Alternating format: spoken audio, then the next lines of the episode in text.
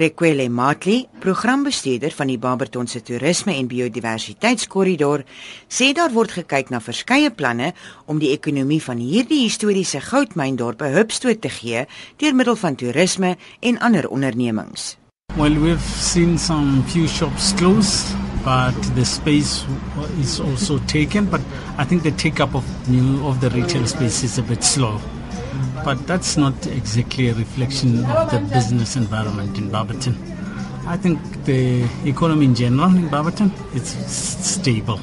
Ellerin's closed, and I think there's one other grocery store that closed. Those that that's there are there are lots of closed shops.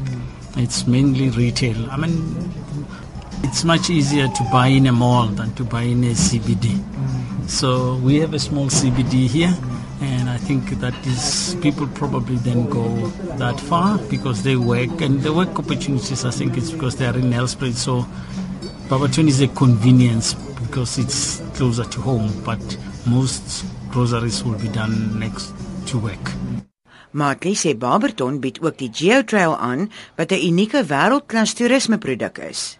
Hy sê hierdie roete word nog verder ontwikkel omdat die volle potensiaal van die projek nog nie bereik is nie. That's where one would actually find the oldest rocks. The scientists call them Archean rocks, which are probably about 3.8 billion years old. And they are well preserved so it can and that's also where you we can also show you on the rocks the first forms of life on earth. So if one wants to know how the earth was some 3.5 3.5 3.8 billion years ago you can come to the geotrail and we will show you what has happened during that period The staking of the rocks shows the history of the earth 3.8 billion years ago and what happened later. Matli sê toerisme aantreklikhede sluit die erfenis looproete, goud panwasgeleenthede en toere van die ou goudmyne om die dorp in. Astrid Christensen van Barberton Toerisme sê 'n toneelstuk oor Newcane Mabuza, 'n legendariese kunstenaar van die Barberton omgewing, is onlangs op Broadway op die planke gebring. Die stuk is deur Ethel Fugard geskryf en hy het ook die regie behartig. Christensen sê hierdie toneelstuk gaan moontlik na Suid-Afrika gebring word en ook na Barberton. Sy sê sy was bevoorreg om Newcane Mabuza te ken voor hy in die 80 sy eie lewe geneem het. He started off with just the the black and white and then eventually yellow and then he brought in other colors. He was passionate about making things beautiful and pretty. I, in my own head, believe that he was way, way ahead of his time. An artist to the very, very end. He committed suicide. If you look at his artwork, it's inspired so many people.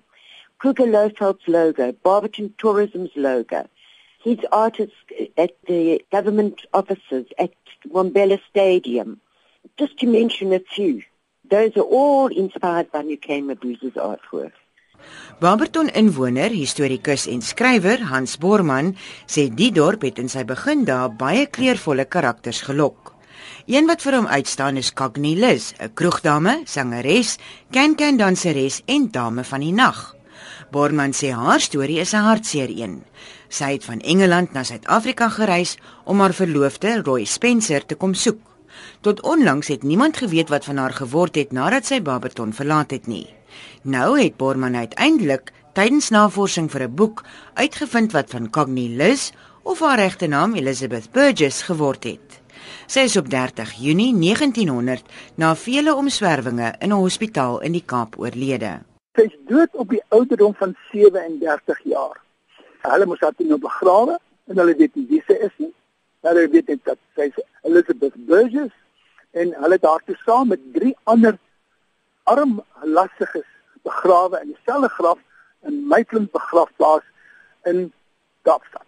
En dit is waar Cornelis toe gelê het en ek het na 128 jaar het ek 'n koerant uitknipsel gekry wat ek in my boek gepubliseer het waarin sy haar self identifiseer en toe ons nou eers dit gekry het, toe kon ons haar naam vasstel, ons kon die besonderhede in Engeland vasstel, alles het ons gekry wie sy is, waar sy vandaan kom, wie haar ouers was En al daai dokumentasie is in die boek gepubliseer. So ander woorde, Cognilus is na 128 jaar het ons haar opgespoor. Sy is begrawe in die begrafplaas in Maitland en haar verloofde is die Robber of Robbers in die Robbers Grave in Dagonsrus. Baie tragiese storie, maar dit is die werklike verhaal van beroemdste vroegmeisie wat seker in die goudtydperk in Barberton gebly het. Nou lê die toekoms van hierdie myndorp wat na Graham Barber en sy neefs Fred en Harry wat die eerste winsgewende goud in 1884 ontdek het, in die hande van kulturele kurators, die munisipaliteite van Barberton en Bombela, besighede en veral die toeriste. Ek is Amanda Kutse in Barberton.